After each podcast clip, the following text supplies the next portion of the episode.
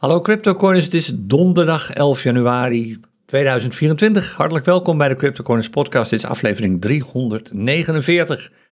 Een grote stap vooruit voor Bitcoin. Zo heb ik uh, deze podcast genoemd. Volgens mij heeft iemand anders trouwens exact dezelfde titel gebruikt in de video. Uh, maar dat is het daadwerkelijk. De beslissing die gisteren erdoor is gekomen van de Amerikaanse SEC, daar komen we natuurlijk zo meteen nog even op terug. En ook even over hoe chaotisch dat natuurlijk allemaal weer verliep.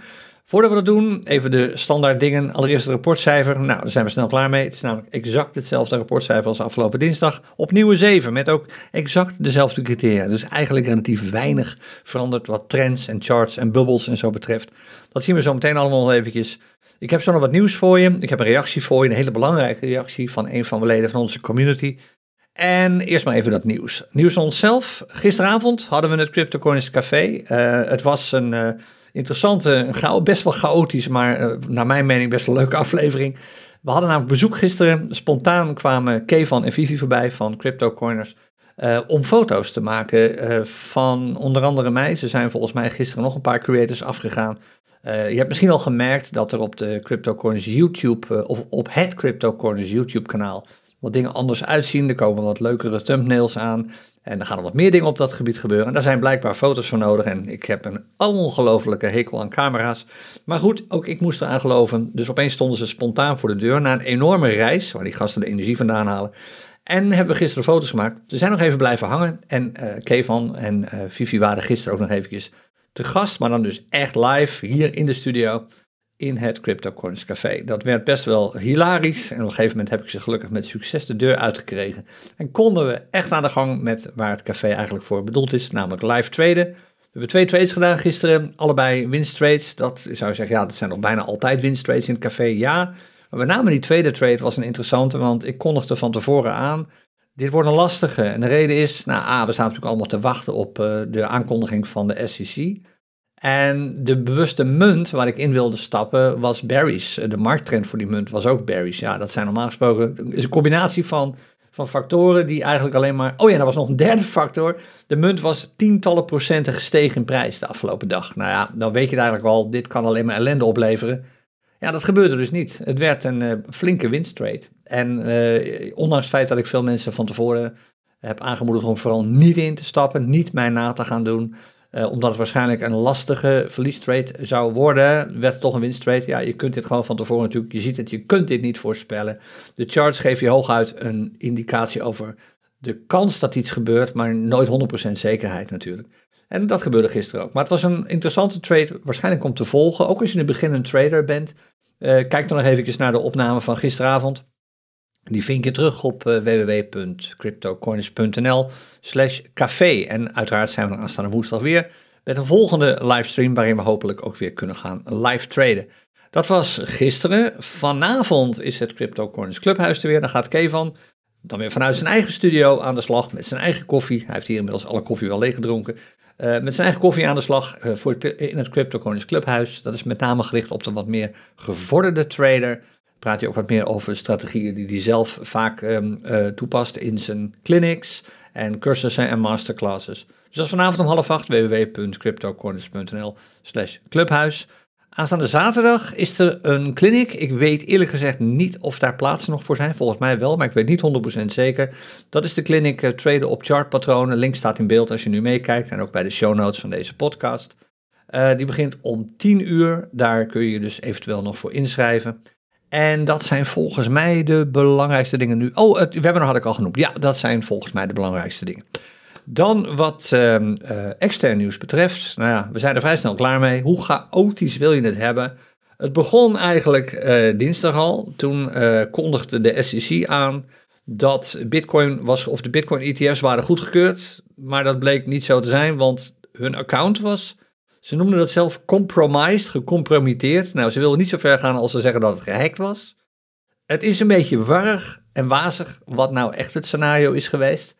Langzaam maar zeker begint het erop te lijken dat er gewoon binnen de SEC een fout is gemaakt. Hoewel zelfs Twitter, uh, X tegenwoordig, in de vorm van Elon Musk aangaf dat het account daadwerkelijk gehackt was, tussen aanleidingstekens, is dat niet meer zo 100% zeker, want inside information uit de SEC geeft aan nee, dat bericht stond gewoon klaar om gepost te worden, het werd alleen te vroeg gepost. Moet je nagaan wat een chaos daar bij die gasten. Sowieso het feit, Als het account toch gehackt zou zijn, dan is dat gebeurd via een hele slimme manier van social engineering. En dat kon dan omdat er geen 2FA op dat account zat, geen uh, dual um, factor uh, authentication.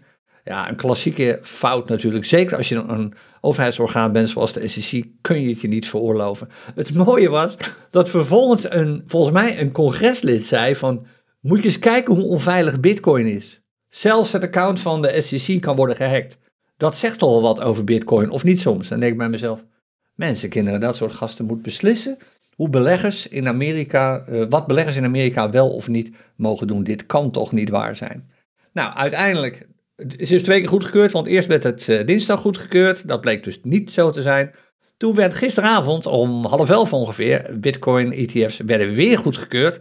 Maar iedereen twijfelde, want het document waarnaar werd verwezen door de, op de website van de SEC zelf, een uitgebreid document met alle informatie over die 11 ETF's, dat kon je niet meer downloaden. Die download was opeens niet meer beschikbaar. Dus het kan zijn gekomen door een overbelaste server, het kan zijn gekomen door een medewerker die een foutje heeft gemaakt. Het werkte gewoon niet meer. Dus er waren best wel heel veel beleggers en analisten die begonnen te twijfelen. Is het nou wel of niet goedgekeurd? Hebben we nou wel of geen toestemming om ETF's te gaan kopen? Niemand wist het. En er is nooit een officiële uitspraak geweest hierover. Wel later van Gary Gensler zelf, de uh, grote baas, de voorzitter van de Amerikaanse SEC, zolang het nog duurt. En die zei van, oké, we hebben ze nu goedgekeurd, uh, maar dat wil niet zeggen dat ik zelf blij ben met deze goedkeuring. En wat mij betreft, zei Gary Gensler, is Bitcoin gewoon nog steeds helemaal niks. Het stelt gewoon niks voor, het heeft geen enkele waarde. Uh, ja, het is zoals het is. Ik vind het niks. Um, dat werd ook nog eens een keertje trouwens, nou, niet onderbouwd, maar het was wel interessant om te zien hoe er binnen de SEC over werd uh, gesproken. Uh, drie van de belangrijkste mensen binnen de SEC hebben allemaal gezegd van wij zijn het gewoon niet eens met deze goedkeuring, want aan een aantal juridische voorwaarden die wel gelden voor gewone ETF's, is hier gewoon niet voldaan. Dus eigenlijk hadden we deze dingen gewoon niet moeten goedkeuren. En anderen zeiden weer, ze hadden al veel eerder moeten worden goedgekeurd. Kortom, heel veel oneenigheid binnen de SEC ook hierover. Feit is, die dingen zijn er nu. En wat meneer Gary Gensler ook vindt van Bitcoin, eindelijk zijn we zover dat institutionele beleggers en wij, retailbeleggers, zelf kunnen uitmaken of Bitcoin nou wat is of niet. We zijn niet meer afhankelijk van de wijze raad, dit is ironisch bedoeld, van mensen als Gary Gensler bijvoorbeeld, of Jamie Dimon, die we zo meteen ook nog even gaan tegenkomen verderop bij onze marktanalyse. Kortom, goed nieuws. De prijs van Bitcoin reageerde totaal niet. Is gewoon totaal geen reactie op de prijs komen. Die beweegt zich nu al een paar dagen lang zijwaarts. En dat laat zien dat inderdaad, zoals een aantal analisten aangaf, de, de toestemming al verrekend zit in de prijs. Uh, je weet ook dat uh, de bitcoins die de grote uitgevers van ETF's beschikbaar moeten houden, al lang waren ingekocht. Niet op handelsplatformen, maar via andere kanalen, rechtstreeks van miners bijvoorbeeld. Allemaal onder de toonbank. Heb ik het gisteren in het café ook even over gehad. Dus er is niet opeens een enorme druk op de handelsplatformen of zo om die bitcoins te kopen van ons, van retail traders. Nee, die hebben ze al lang in bezit. En dit is dus een kwestie van lange adem. Kijk, dit is absoluut opwaartse druk. Ga je zo meteen ook zien als we de charts erbij pakken. Uh, we hebben afgelopen dinsdag hebben we het even gehad over de, de boven- en onderkant van de prijsontwikkeling. De bovenkant 58.000 dollar, daar zit een hoop weerstand. Aan de onderkant 30.000 dollar, daar ligt een dikke vloer. Nou, eerlijk is eerlijk, door deze ETF's is de kans op het bereiken van die dikke vloer een stuk kleiner geworden. Want ja, er komt nu gewoon opwaartse druk. Je zult ontdekken dat steeds meer uitgevers van ETF's, eh, de BlackRocks van deze wereld, die gaan natuurlijk uitgebreid publiceren over het feit dat er enorme belangstelling is voor Bitcoin bij hun beleggers, bij hun klanten. Ja, dat creëert hype. Ook bij retail traders, zoals we allemaal. Dus dat creëert weer FOMO. Dus natuurlijk gaat dit de prijs opdrijven. Er komt een keer een onvermijdelijke correctie, dat kan niet anders. Maar waarschijnlijk komt hij niet als de markt zich gedraagt zoals hij zich eigenlijk altijd gedraagt, psychologie. Dan komt hij niet snel. Dat kan echt wel even een paar weken duren voordat we die correctie gaan zien. Ik reken vooralsnog eerder op significante prijsstijgingen dan op uh, prijsdaling op dit ogenblik. Maar we gaan het gewoon zien op de charts. Die gaan ons dat keurig vertellen de komende tijd. Op dit ogenblik is er nauwelijks prijsbeweging. Maar daar komen we zo meteen nog even op terug. Voordat we dat doen, uh, wil ik eventjes kort stilstaan bij een reactie die binnenkwam op onze website. Misschien heb je toen de tijd de video gezien of de podcastaflevering gehoord die ik erover heb opgenomen. Uh, de Word ik opgelicht podcast en video. www.cryptocoins.nl slash word ik opgelicht met streepjes tussen alle woorden. Ehm, daar heb ik het gehad over vier methodes, eigenlijk de vier methodes, die scammers altijd gebruiken om te zorgen dat ze jouw geld kunnen krijgen. En die methodes zijn eigenlijk altijd gebaseerd op twee dingen, angst en hebzucht, zoals altijd. Ze, ze doen alsof er iets heel ernstigs aan de hand is met jouw wallet of met je bankrekening en zij kunnen je helpen om het snel op te lossen, maar je moet nu wel wat doen, anders ben je te laat. Of hebzucht, uh, bij ons krijg je gegarandeerd hoge winsten, Ehm, eh, je kunt meteen uh, uit laten keren en je hebt een eigen dashboard. Je kunt zien hoe snel je rijk wordt. Maar onderaan de streep uiteindelijk landt jouw geld op de rekening van iemand anders en ben je je geld definitief kwijt. Nou, je kunt er heel vaak voor waarschuwen. Ze zijn zo slim, die scammers, in hun communicatie. Ze zijn zo goed in het manipuleren dat zelfs de mensen die er normaal gesproken nooit voor zouden vallen, er toch vaak voor vallen. Dus ik ga je zo meteen een bericht voorlezen, echt bijna letterlijk. Uh, ik kan me voorstellen dat je denkt van ja, hier trap je toch niet in. Maar geloof me, iedereen kan hier intrappen, ook jij. En wat mij betreft is dit bericht dus eigenlijk alleen maar weer opnieuw een waarschuwing van kijk alsjeblieft goed uit. Het bericht werd door iemand uh, geschreven die anoniem wil blijven, dus dat respecteren we ook. Je kunt het zelf nalezen, want het staat op onze website, maar ik lees het even letterlijk voor. Ik, of bijna letterlijk. Ik schrijf om een persoonlijke ervaring met een crypto scam te delen in de hoop dat mijn verhaal anderen kan waarschuwen en helpen. Onlangs kwam ik via Telegram in contact met een cryptohandelsplatform genaamd ASL Crypt, nu bekend als bitmake.trade. Aangetrokken door de belofte van gemakkelijke winsten besloot ik een klein bedrag in Ether te investeren. Maar toen ik probeerde mijn geld terug te halen, toen werd ik opeens geconfronteerd met herhaaldelijke verzoeken voor zogenaamde verificatietransacties met grotere bedragen. Oftewel, deze persoon zegt, ik moest bedragen storten voordat ik mijn oorspronkelijke inleg kon terughalen. Dat is een klassieke trouwens. Na verschillende transacties, schreef deze persoon, werd het duidelijk dat ik mijn geld niet kon opnemen. En uiteindelijk heb ik hiermee ongeveer 5500 dollar verloren. Bovendien heb ik persoonlijke informatie gedeeld, waaronder mijn paspoortgegevens. En dat maakt mijn zorgen over identiteitsdiefstal groot. Het platform is nu onbereikbaar en al mijn pogingen om contact op te nemen of om mijn geld terug te halen zijn mislukt. Ik hoop dat mijn ervaring anderen kan helpen om soortgelijke scams te, mijden, te vermijden. Nou ja, je leest het, hè, je hoort het, het zijn de klassieke dingen. Uh, voordat wij je geld kunnen sturen, moet je eerst geld overmaken, want er is een probleem met transacties. Het is allemaal onzin natuurlijk. Maar ja, als jij geld in een platform hebt zitten en het wordt een beetje uh, goed gecommuniceerd met jou, manipulatief genoeg, dan ben je maar al te snel geneigd om erin te gaan, want anders ben je je geld gewoon definitief kwijt. Ja, je bent alleen nog maar meer geld, geld definitief kwijt. Je bent gewoon een slachtoffer worden van een scam. ik zei het net al, iedereen kan het overkomen. Ook als jij nu denkt van, nou, mij zou het niet gebeuren. En wat is zo'n persoon dom? Dat is zo'n persoon dus niet. Iedereen kan dit overkomen. Ik ken genoeg mensen in mijn eigen omgeving, jij waarschijnlijk ook wel, die, eh, waarvan je zou zeggen, nou, die zijn zeker niet dom. Die, die kun je echt niet zomaar knollen voor citroenen gaan verkopen. Maar die zijn er ook in getrapt. En wat leuk zou zijn, niet leuk in de termen van grappig, maar leuk om gewoon te lezen, uh, interessant om te lezen in ieder geval, is als jij ervaringen hebt met anderen in jouw omgeving, of misschien zelf, en je bent bereid daar wat over te vertellen, post dan eens een bericht. Dat kun je doen als reactie op deze podcast, bijvoorbeeld op YouTube. Maar je kunt het ook doen op die specifieke Word ik opgelicht pagina. Die staat op onze CryptoCoins website www.cryptocoins.nl slash word ik opgelicht. En uh, als je wilt dat je reactie anoniem wordt behandeld, hoef je dat alleen maar even bij te zetten. Dan noemen we je naam absoluut niet. En met name op uh, onze eigen website kun je je naam ook gewoon niet laten tonen. Ik ben heel benieuwd naar de reacties. Dit blijft gewoon een onderwerp dat belangrijk is en dat ook gewoon in de aandacht moet blijven staan. Vandaar dat ik deze reactie ook voorlees. En heel dankbaar ben voor het feit dat uh, deze persoon deze reactie even heeft gepost. Dus mijn dank daarvoor. Ik denk dat ik namens de hele Crypto Corners community spreek. Oké, we gaan naar de charts. En als je meekijkt, eh, dan zie je nu ook op YouTube de charts in beeld. We doen er maar een paar vandaag. Ik heb drie charts. Dan kijken we nog even naar de, de belangrijke indices en de scanner, een paar data en dan hebben we het alweer gehad. De dagchart van Bitcoin, um, die is nog steeds bullish. Ja, die kan niet, kan nooit in twee dagen omkeren naar bearish natuurlijk. We hebben op de dag dat ik de vorige podcast opnam, afgelopen dinsdag, toch nog weer een piek gehad die hoger was dan de vorige namelijk 47.897 dollar, bijna 48.000 dollar. Daar is de prijs gisteren na de ETF-aankondiging ook niet meer gekomen. Integendeel, de prijs is toen zelfs nog even gedaald. Als je kijkt naar de prijsbeweging van gisteren, moet je je voorstellen, gisteren heeft de prijs maar liefst 47.700 bereikt aan de bovenkant. En maar liefst 44.300 bereikt aan de onderkant. meer dan 3000 dollar bandbreedte in één dag. Laat zien hoe ongelooflijk, hoe akelig volatiel de markten werden in aanloop naar de ETF-aankondiging. Die misschien wel niet zou komen, want bij de Amerikaanse waakhond, die SEC, weet je het gewoon echt nooit. Die houden zich alleen maar hun eigen interne afspraken, denk ik. Misschien ook niet, als je kijkt naar hoe dit ging. Maar ze houden zich in ieder geval niet aan afspraken die met de buitenwereld worden gemaakt. Het is niet voor niks dat overigens nu ook het congres weer ingrijpt en gewoon wil babbelen met de SEC over die beveiligingsproblemen die ze daar hebben gehad. Uh, ook binnen de Amerikaanse regering heerst er flink wat wantrouwen over de SEC en hun manier van handelen op dit ogenblik.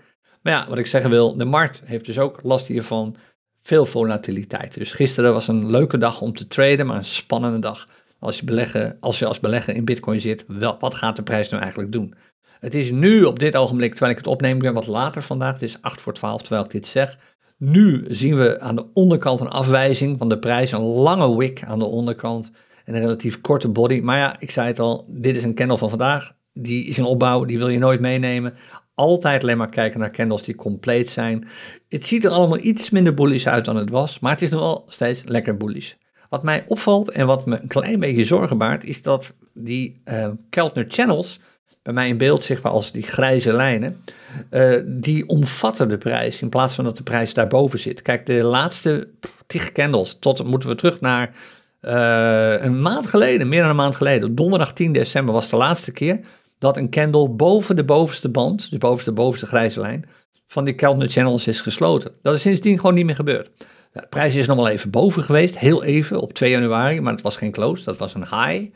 En dat is daarna niet meer gebeurd. En de prijs staat weliswaar nog boven de middelste lijn, dat is een EMA 20, een voortschrijdend, exponentieel voortschrijdend gemiddelde van de laatste 20 prijzen, de laatste 20 sluitprijzen. Maar echt boven die bovenste lijn, wat een stijgend bullish momentum aangeeft, is de prijs al een tijd niet geweest. En eigenlijk zou je dat wel hebben mogen verwachten na de aankondiging van gisteren. Misschien komt dat de komende paar dagen. Op dit ogenblik, ik zei het al, bijna 12 uur, reageert de markt nog niet. Ik ben benieuwd wat er vanmiddag gebeurt. Uh, om drie uur gaat New York open. Uh, dan gaat, wordt Amerika min of meer wakker, in ieder geval aan de oostkant. Aan de westkant uh, duurt het nog een paar uur later. Dan wordt het rond 5, 6 uur vanmiddag. Dan zouden we bewegingen kunnen gaan zien, omdat dan misschien Amerika begint in te zien van ja, het is echt waar. Nu moet ik even snel Bitcoin gaan kopen. Ik verwacht overigens wel, dat zei ik volgens mij net ook al.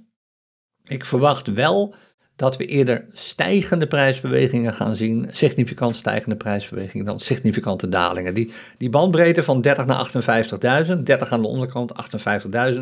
Ik denk dat een correctie naar 30.000 nu wat minder, minder uh, realistisch is geworden, minder waarschijnlijk omdat er gewoon veel enthousiasme zal komen, gecreëerd, zoals ik net al zei, door die institutionele jongens die hun klanten natuurlijk uh, zien kopen straks. En die zeggen van, waarschijnlijk begint de handel morgen al, twee weken eerder dan ik had verwacht.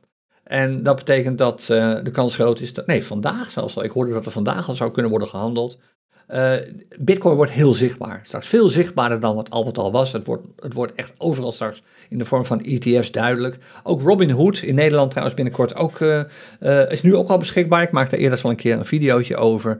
Um, ook Robinhood kun je straks deze Bitcoin ETF's gewoon kopen. Je kunt nu ook in Nederland trouwens gewoon handelen met Robinhood. Hè. Ik, ik heb zelf ook een accountje genomen, gewoon voor de fun.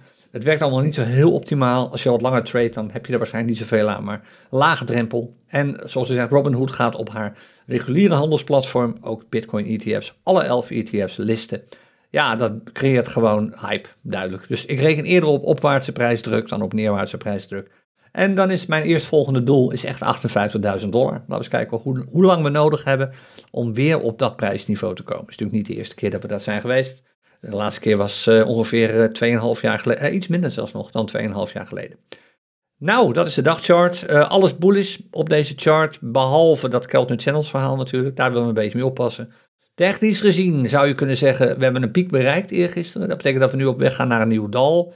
Maar ja, je zou ook kunnen zeggen, dit is zijwaarts, hè, met lange wicks. Als je die wicks even weglaat je kijkt alleen naar de bodies van deze candles, dan zou je ja, gewoon niet anders dan kunnen concluderen, dit is een zijwaartse beweging. Laten we maar even kijken of de piek van afgelopen dinsdag inderdaad een nieuwe piek is, of dat het nog hoger kan. Het zou mij niet verbazen. Als we nog een paar dagen lang zijwaarts zien en misschien in het weekend gewoon weer omhoog kruipen of zo, naar boven de huidige piek van uh, bijna 48.000 dollar. 50.000 zouden we toch vrij snel moeten kunnen bereiken. Ik zou eerlijk gezegd echt niet weten waarom niet. Dat wat de dagchart betreft, dan even de urenchart erbij. Die, ziet er, die laat een beetje die zijwaartse beweging zien, die op de dagchart al tegenkomt. Want ja, die zijwaartse beweging op de dagchart, die begon uh, min of meer afgelopen dinsdag, zeg maar een candle 48 geleden ongeveer. Kijk je dan naar de urenchart, dan ga je 48 candles terug ten opzichte van nu. Dan kom je ongeveer hier uit. Even kijken hoor, daar. Dat is ongeveer hier, uh, dinsdag om 11 ja natuurlijk, twee dagen geleden om 11 uur s ochtends. Ja, en dan zie je dat we een dalende trend hebben gezien. Het ging naar beneden, kijk, duidelijk. Vanaf toen ging het echt naar beneden. Lagere pieken, lagere dalen. En gisteren, vanaf gistermiddag, ging het eigenlijk weer omhoog. Nu hebben we alweer een, uh, waarschijnlijk alweer een lagere piek dan de vorige. Je zou kunnen zeggen zijwaarts, je zou kunnen zeggen voorzichtig bullish. Niet zo heel erg optimistisch allemaal. Het enige goede nu is dat we alweer een cross hebben van de MA20 en de MA50. De laatste keer dat we die hadden, die serieus wat heeft opgeleverd, was afgelopen maandag. Kijk maar daarna, hop, ging de prijs omhoog. Dus de MA20 schuift naar boven door de MA50 heen. Dat is goed. En de prijs staat er nu op dit ogenblik ook boven, is er zelfs boven gesloten. De vorige candle, ik denk, we hebben nog anderhalve minuut, dat deze candle er ook wel boven sluit. En dat is mooi. Dat betekent dat er weer een duidelijk een bullish signaal is afgegeven op de urenchart. Dat is mooi. Maar ja, we moeten echt nog even door, hop, door die 48 heen en dan naar die 50. Kom op, gas geven. Hoe zit het met goud? Um, oh ja, als je, als je je afvraagt, veel mensen vragen altijd, wat hou je nou eigenlijk echt in de gaten? Uh, op die dagchart kijk ik echt met name naar de Keltner Channels. Ik wil gewoon dat momentum zien groeien, dus de prijs moet daar vannacht gewoon boven sluiten. Ik hou natuurlijk die OBV, OBV in de gaten altijd op de dagchart. En ik hou die onderkant in de gaten, die vloer, die zit nu eigenlijk, wordt nu bevestigd door twee lijnen. Namelijk de MA20, dat is de gele lijn die je ziet lopen als je meekijkt. En het is de EMA20, dat is onderdeel van de, ja, van de Keltner Channels, uh, de middelslijn van de Keltner Channels. Daar, die zijn bijna gelijk op dit ogenblik. Dus daar zit stevig support op uh, 44.000, de 44.000 zone. 44.2 tot 43.9, 43.8. Als de prijs daaronder komt, oei, dat is een bearish alarm. Dat is in ieder geval een, sterk bearish signaal. Ik zie dat gewoon niet gebeuren. Eronder sluiten, een wick eronder, allemaal niet zo spannend. Maar echt een close nu op dit ogenblik onder die prijs na die aankondiging van de SEC, dat zou wel heel snel by the rumor sell nieuws betekenen. Ik denk eerlijk gezegd niet dat gebeurt. Ik denk dat we nog min of meer in het by the rumor verhaal zitten, hoe gek het ook klinkt. Het nieuws is er wel, maar het nieuws waar natuurlijk toch veel traders en beleggers op zitten te wachten is, het nieuws van al die uitgevers van die ETF's. Van ja, er is heel veel belangstelling, moet je eens kijken wat we al hebben verkocht. Je hoort hier en daar al wat, maar als dat meer wordt, dan kan die prijs echt knallen, de bitcoinprijs. Ik denk niet dat dit gaat tegenvallen, want ik weet gewoon dat er veel institutionele of grote beleggers, grote jongens en meisjes zitten te wachten voordat ze serieus die ETF's kunnen gaan kopen. Dus daar let ik op. Dat zijn we dingen op de weekchart of op de dagchart, op de urenchart. Ja, toch met name steeds weer al hetzelfde verhaal. De crosses van die MA20 en die MA50 vind ik erg interessant. En hoe de prijs er boven of eronder sluit. Twee of drie prijssluitingen boven die MA20 in dit scenario. De MA20 staat al boven de MA50 is voor mij een gezond bullish trend reversal signaal. Kijk, wat mij betreft hebben we dus op, uh, wat was het? Even kijken, dat gebeurde, even kijken, hier zo. Op, uh, om 12 uur gisteren hadden we te maken met een bearish signaal. Drie candles, eerste cross, die kwam om 11 uur. En om 2 uur was het duidelijk dat er drie candles gesloten waren, eigenlijk om 3 uur, uh, gesloten waren onder beide lijnen. Dat is een bearish signaal. En daarna bleef de trend ook nog even bearish, om vervolgens hier kruist om uh, gisteravond om 7 uur, 6 uur, 6 uur. In de candle van 6 uur kruist de prijs in één keer door de MA20 en de MA50 heen. Het echte signaal komt nog, want de doorkruising van de MA20 en de MA50, die was dus van ons vroeg om 9 uur. Nu zijn we bezig met de derde candle boven, ja, de derde candle boven die MA20. Dus als de candle van, van, van dit uur, als die er ook boven blijft sluiten, dan hebben we echt een bullish signaal op de urenchart. Dat zijn dingen die ik in de gaten houd. En voor de rest natuurlijk die zones die ik net al noemde. Goud, hoe is het daarmee? Niks veranderd ten opzichte van gisteren eigenlijk. De trend is nog steeds bullish. Het is echt opvallend om te zien. Daar werd ook een opmerking over gemaakt trouwens op Barron's, de, de nieuwssite die ik volg als het gaat om zeg maar, ook traditionele economie, maar ook crypto. Uh, opvallend om te zien dat uh, de goudprijs zich zo goed ontwikkelt, terwijl de aandelenprijzen ook zo stijgen. Hoe kan dit? Iedereen vindt het raar, want normaal gesproken is goud de zekerheidsfactor. Eh, waar beleggers invluchten als ze geen vertrouwen meer hebben in aandelen. Maar tegelijk gebeurt eigenlijk nooit. Veel investeren in aandelen en veel investeren in goud. Dat zie je zelden, maar het laat zien hoe pijnlijk onzeker op dit ogenblik uh, de, het economische sentiment is. Niemand weet het meer. Kijk je vervolgens naar CNN, waar we altijd de Fear and Greed Index bespreken, ja, dan zie je ook al een paar signalen. Je ziet het zelfs al op de CNN-site zelf. Dat komt niet zo heel vaak voor. Om te beginnen, de greed factor is hetzelfde als afgelopen dinsdag. Nog steeds 74, niets veranderd. Maar kijk eens naar de artikelen aan de rechterkant. Allereerst Moody, een van de, Moody's, een van de belangrijkste bakens als het gaat om kredietwaardigheden, eh, kredietwaardigheid van landen, van banken, van grote institutionele beleggers, noem maar op en zo. Uh, Moody staat op het punt om uh, China een negatieve waardering te gaan geven vanwege de mogelijke drama's die zich daar in de, eigenlijk zijn de drama's niet eens mogelijk, ze zijn er al, de enorme drama's die zich daar in de onroerend goedsector afspelen. Daar valt waarschijnlijk dit jaar uh, het ene na het andere grote onroerend goedbedrijf om. Kan niet anders, want er is gewoon nauwelijks vraag naar bedrijfs onroerend goed daar en er zit commercieel onroerend goed en er is veel en veel en veel te veel in geïnvesteerd. Overigens is er ook een signaal afgegeven, eerder, nee, was vorige week geloof ik, dat in Amerika het een kwestie van tijd is voordat de grote, serieus grote bank, eerstvolgende grote bank, gaat omvallen. En ik kan niet in de toekomst kijken. Dit is alles behalve advies om iets te gaan doen. Het is puur mijn mening over hoe ik dingen zie. Maar helaas, luister anders de podcast. Als je daar de energie voor hebt, luister anders de podcast van de laatste paar jaar even terug. Um, ik denk opnieuw weer dat we een enorme clash gaan zien. Het is leuk dat de markten nu op 74 staan, greed. Maar als ze over twee maanden op fear of extreme fear staan, ben ik niet verbaasd. Je zou me er bijna aan kunnen houden. Uh, ik ga zelf waarschijnlijk vergeten dat ik dit nu voorspel.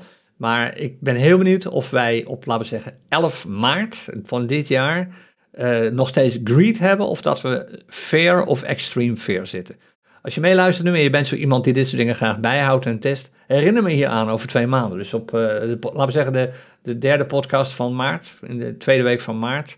Uh, vertel eens even dat ik in januari heb gezegd dat we in maart wel op hebs of op angst zouden staan. En of het is uitgekomen of niet. Als wij in maart als wij in maart, half maart, nog steeds een situatie hebben waarin de Fear and Greed Index op greed of extreme greed staat, dan geef ik vijf scanner jaarlidmaatschappen weg. Zo, die, daar kun je me aan houden. Uh, laat dat dan weten in de YouTube-reacties op deze podcast dan. Maar alleen als de markt op greed of extreme greed staat. Als hij neutraal fear of extreme fear staat, dan krijg ik van jullie vijf scanner lidmaatschappen. Ga, ik ga ervan uit dat ik ze niet hoef weg te geven. Zo zeker ben ik eigenlijk van mijn zaak wat dit betreft. Kijk, dit is ook interessant hè, op de CNN-site. Goud is nog nooit zo duur geweest. Uh, is dat niet interessant? In de tijd dat de aandelenprijzen stijgen, dat goud een recordprijs heeft bereikt. Hoe kan dit? En zelfs Bitcoin wordt genoemd natuurlijk. Dit heeft alles te maken met uh, de opmars na de aankondiging van de SEC. Bitcoin heeft zijn hoogste niveau in 18 maanden bereikt. Uh, nu investeerders bezig zijn om zich voor te bereiden op de toestemming van de SEC voor de ETF's. Nou, dat is inmiddels gebeurd. Het volgende artikel was ook interessant. Dat was er eentje, niet dit artikel. Dit gaat dus nergens over. De Dow heeft er 520 punten bijgekregen. De beste maand dit jaar, dat was nou 2023, uh, voor uh, Amerikaanse aandelen. Waarschijnlijk ook de enige keer dat dat gebeurt.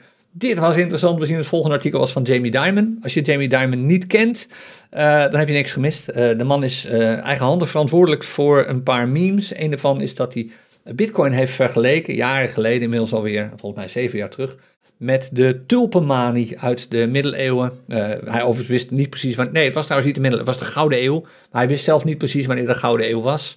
Kun je hem ook niet kwalijk nemen natuurlijk. Maar hij kondigde toen al aan, bitcoin is gewoon niks. Dat is puur uh, gebakken lucht, dat is oplichting, het zijn gewoon tulpenbollen. Uh, en um, hij kondigde dat kort geleden, volgens mij eergisteren trouwens, weer aan. Hij zei, ja, die ETF's leuk en aardig, maar bitcoin is nog steeds helemaal niks. Maar hij heeft nu ook, dat zie je trouwens ook in het artikel aan, uh, staan, hij heeft nu ook aangegeven dat hij zich serieus voorbereidt op een Amerikaanse recessie. En je kunt zeggen wat je wilt en vinden wat je wilt van Jamie Dimon. De man snapt het traditionele financiële spelletje heel goed. Hij begrijpt geen snars van crypto en bitcoin en hij begrijpt geen snars van de filosofie daarachter. Maar de traditionele markten begrijpt hij heel goed. De man is niet voor niks uh, gekomen waar hij nu is. En als hij zegt dat je je zou moeten voorbereiden op een recessie, dan kun je je beter maar voorbereiden op een recessie. Dus die gaat komen. Ik ben er ook van overtuigd dat wat we nu gezien hebben aan de recessie, tussen aanhalingstekens, nog steeds niks is. En dat is heel erg goed voor Bitcoin. Daar hebben we dinsdag al even over gehad. Tot zover dan maar eventjes uh, CNN, en dus de Fear and Greed Index. Hoe staat het met de prijsontwikkeling? We gebruiken sinds afgelopen dinsdag crypto bubbles en niet meer Coin360. En als je afvraagt waarom dat is, ik kan wel even laten zien, nu we toch bezig zijn. Waarom toon ik Coin360 niet meer? Nou, de belangrijkste reden is dit. Wat hier bovenaan op het scherm staat. Als je Coin360 erbij pakt, zie je deze banner hier. Die gaat over gokken. Heel simpel. De ene keer is het Bedpanda, dan is het weer een andere goksite. En ik kan dit ding niet weghalen. Ik kan dit ook niet naar boven scrollen, zoals je ziet. Uh, dat betekent dat ik voortdurend uh, word geconfronteerd met een, een banner die gaat over goksites. En het enige wat je natuurlijk 100% zeker weet van goksites is dat uh, je nooit geld kunt verdienen op die sites. Je verliest altijd, of al denk je dat je misschien soms wint, je verliest altijd geld. En ik wil gewoon nooit goksites promoten. Dus vandaar dat ik deze website niet meer gebruik, zolang ik deze banner niet kan uitzetten. Ik heb adblockers en alles draaien en zo, maar dit ding is extreem hardnekkig.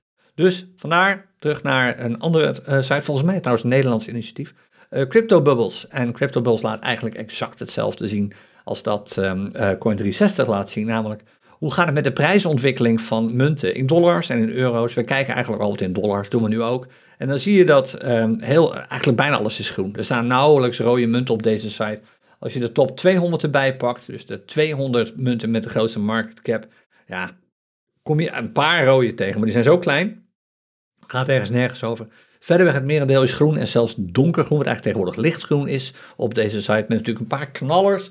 Uh, dat zijn er wat kleinere altcoins nu nog op dit ogenblik. Metis en Pendle 30% erbij. Ravencoin 13% in de plus. Er zijn knallers. En het laat zien dat de altcoins nu, dat zag je trouwens dinsdag ook al wel, maar ze zijn nu echt serieus bezig aan een inhaalslag. Je ziet nu echt gewoon dat de prijzen van altcoins sneller omhoog schieten, procentueel gezien, dan de prijs van Bitcoin bijvoorbeeld. En dat betekent dus dat ten opzichte van Bitcoin veel altcoins uh, uh, goedkoper beginnen te worden. Nee, ik zeg verkeerd, duurder beginnen te worden, sorry. En niet ten opzichte van Bitcoin, maar in Bitcoin-prijzen uitgedrukt. En dat is goed nieuws voor, je raadt het al, de barometer van de CryptoCoiners scanner. Uh, die op dit moment loopt. Je ziet ook heel veel instapmeldingen voorbij komen op dit ogenblik. Geen wonder, de markten zijn lekker volatiel. Als we kijken naar de barometer zelf, dan zie je waarden die we lang niet hebben gezien. En uh, die zijn eigenlijk allemaal gunstig. Nou, die change one hour is een beetje gedaald nu, maar kijk eens naar de verandering sinds gisteren. 6,3% erbij in prijs. De 4 uur waarde 1,5% gestegen. De 1 uur waarde 0,3% in de min. Dus een beetje oppassen, maar met zulke hoge uh, dag- en 4 uren waarden uh, is dit iets waar je nog niet serieus rekening mee hoeft te houden. En kijk naar de trend, daar keken we natuurlijk gisteravond ook naar uh, toen we de café deden. Kijk naar de markttrend bijvoorbeeld, waarbij de dollar even als basismunt pakt. Die was gisteren volgens mij nog boven de 50. Ja, die uh, was 50% bearish. Die is nu, en dat is echt enorm gedaald, nog maar 26% berries. Uh, dat laat zien dat de hoeveelheid, de bearishness om het zo maar te zeggen, begint af te nemen. En uh, dat is mooi. Dat betekent dat, uh, dat we op weg zijn. Het duurt nog wel een paar dagen, maar op weg zijn naar scenario's waarin veel meer dingen bullish zijn. Er is ook geen één munt meer nu 100% berries. Wat volgens mij eergisteren nog wel zo was. Dit hou ik al, kun je goed in de gaten houden als je uh, een, volgens mij silver of gold gebruikt voor de crypto coin scanner, kun je dit zelf ook intikken. En zo niet, als je echt wil weten wat de trend is, kun je het altijd even vragen in een van onze chatgroepen. Hoe ziet de, uh, de trend er op dit ogenblik uit voor de USDT-markten? Je kunt ook de trend voor de Bitcoin-markten natuurlijk opvragen. En voor de zekerheid, die was afgelopen uh, dinsdag, hadden we nog vier, uh, 54% berries. Die is ook gedaald. 100% zeker, die is ook gedaald. Ja, die staat nu op 40% berries, 39,5. Dus die is ook afgenomen. Uh, dus dat betekent dat als je met Bitcoin aan het traden zou zijn, moet je nog steeds goed uitkijken, want je komt te veel charts tegen met een bearish um, markttrend. dat betekent dat je regelmatig kunt worden verrast door glijbanen en zo. Niet altijd, maar vaak wel. Als je puur wilt focussen op bullish charts, dan heb je wat minder keuze. Want je ziet, er zijn niet zoveel. Kijk, de meest bearish chart uit de top 10, sorry, de minst bearish chart uit de top 10 is nog steeds voor 89% bearish. En de minst bullish chart uit de top 10 bullish charts is maar voor 59% bullish. Dus de druk ligt nog steeds aan de bearish kant. Ja, dat wil je eigenlijk liever niet zien. Dus voorzichtig een beetje bij traden. Barometer had ik laten zien, trends heb ik laten zien, charts heb ik laten zien. Dan zijn we klaar voor vandaag met deze wat kortere aflevering vergeleken met afgelopen dinsdag. Maar het is maar goed ook, want je hebt alweer flink wat content voor je kiezer gekregen de afgelopen week. Maandag hadden we de lounge met Jerk. Eh, was dat een webinar? Nee, dat was een lounge volgens mij. Ja, gewoon hij heeft getrade. Eh, dinsdag hadden we de podcast. Gisteren hadden we het café. Vandaag de podcast. Vanavond ook nog eens een keer Clubhuizen doorheen. Kortom, je hebt weer genoeg content voor je kiezer gekregen. Je komt amper meer aan traden toe als je alles zou volgen. Ik wens je veel succes met het traden. En ik spreek jou persoonlijk weer volgende week dinsdag bij de volgende aflevering, nummer 350. En die gaan we opnemen met publiek erbij van de Crypto Corners podcast. Tot dan, prettig weekend alvast. Veel plezier bij Kevin vanavond. En ik spreek je snel. Dag.